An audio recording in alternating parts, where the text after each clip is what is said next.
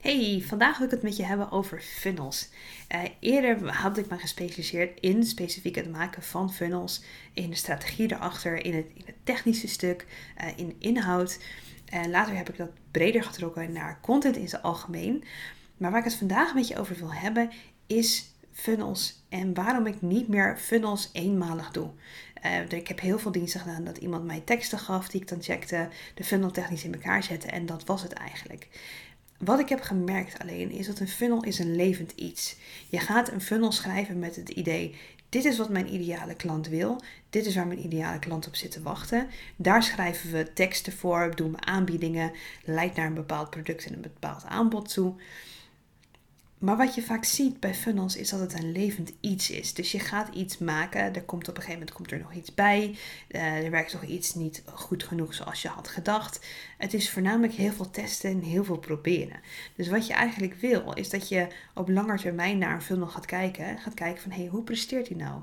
Verkoopt hij het aanbod wat ik wil? Klikken mensen? Uh, lezen mensen? Schrijven mensen zich uit? Wat gebeurt er met de mensen in die funnel? En dat is wat eigenlijk ook waar heel veel mensen mij naar vragen. Ze vragen van, hé hey, maar wat is nou de beste opbouw van een funnel? Welke mails moeten er daarin? En dat is zo ontzettend afhankelijk van de doelgroep. Ja, je moet er altijd een aanbod in doen. Ja, het is goed om je verhaal erin te hebben. Uh, ja, het is goed om alle pijnpunten en probleempunten aan te raken.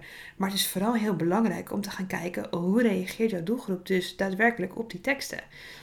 De probleempunten, de pijnpunten, de, de um, het stuk waar mensen naartoe willen, is dat echt waar mensen op aangaan? Zijn er mensen die het lezen? Hoe is je openingspercentage? En daar wil je eigenlijk op gaan, gaan sturen. Dus wat je eigenlijk wil is gewoon een funnel neerzetten. Goede inhoud waarvan je denkt, nou dit is hem, dit gaat het worden. En dan door de maanden heen gaat kijken, hé, hey, wat gebeurt er nou eigenlijk? Waar schrijven mensen zich uit? Waar blijven ze plakken? Waar denken ze, doei, uh, wordt er geklikt? En dat is dus eigenlijk waarom ik ben overgestapt naar uh, drie maanden één op één trajecten. Omdat ik heel erg miste de follow-up.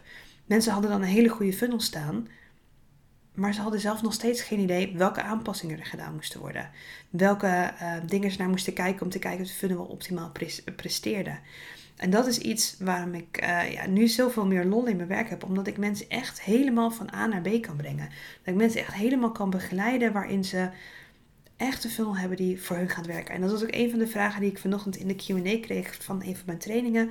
Wat is nou de goede opbouw van een funnel? nou, dat is dus heel afhankelijk van je doelgroep, het product wat je hebt en wat jouw doelgroep nu nodig heeft. Want als jouw doelgroep heel druk is, dan kan je wel een hele lange mail gaan sturen.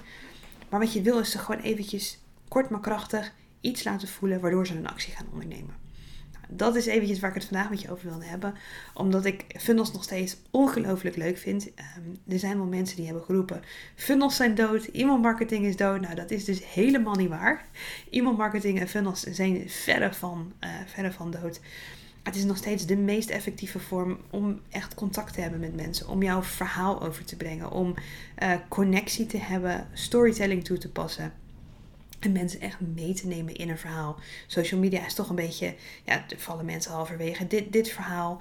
Ehm, en dat kan je met funnels kan je dat onderscheppen doordat je mensen echt meeneemt in een reis. Dus mocht je denken, hé, hey, dat vind ik heel erg fijn, heel erg interessant. Ik wil graag dat je met me meekijkt. Stuur me dan vooral even een mailtje. Ik heb een heel tof één op één traject waar we drie maanden samen aan de slag gaan. Om te zorgen dat jouw content ook echt goed wordt, echt converteert. En dat het gewoon echt aansluit bij jouw ideale klant. En dat, dat kunnen we niet in een weekje doen. Daar gaan we echt samen goed voor zitten. Bijsturen, dingen proberen, kijken wat de reactie is. En dat is echt het allersterkste wat je kan gaan doen. En het allerbeste waarin je kan investeren in jouw content. Om te zorgen dat het echt aansluit bij jouw ideale klant.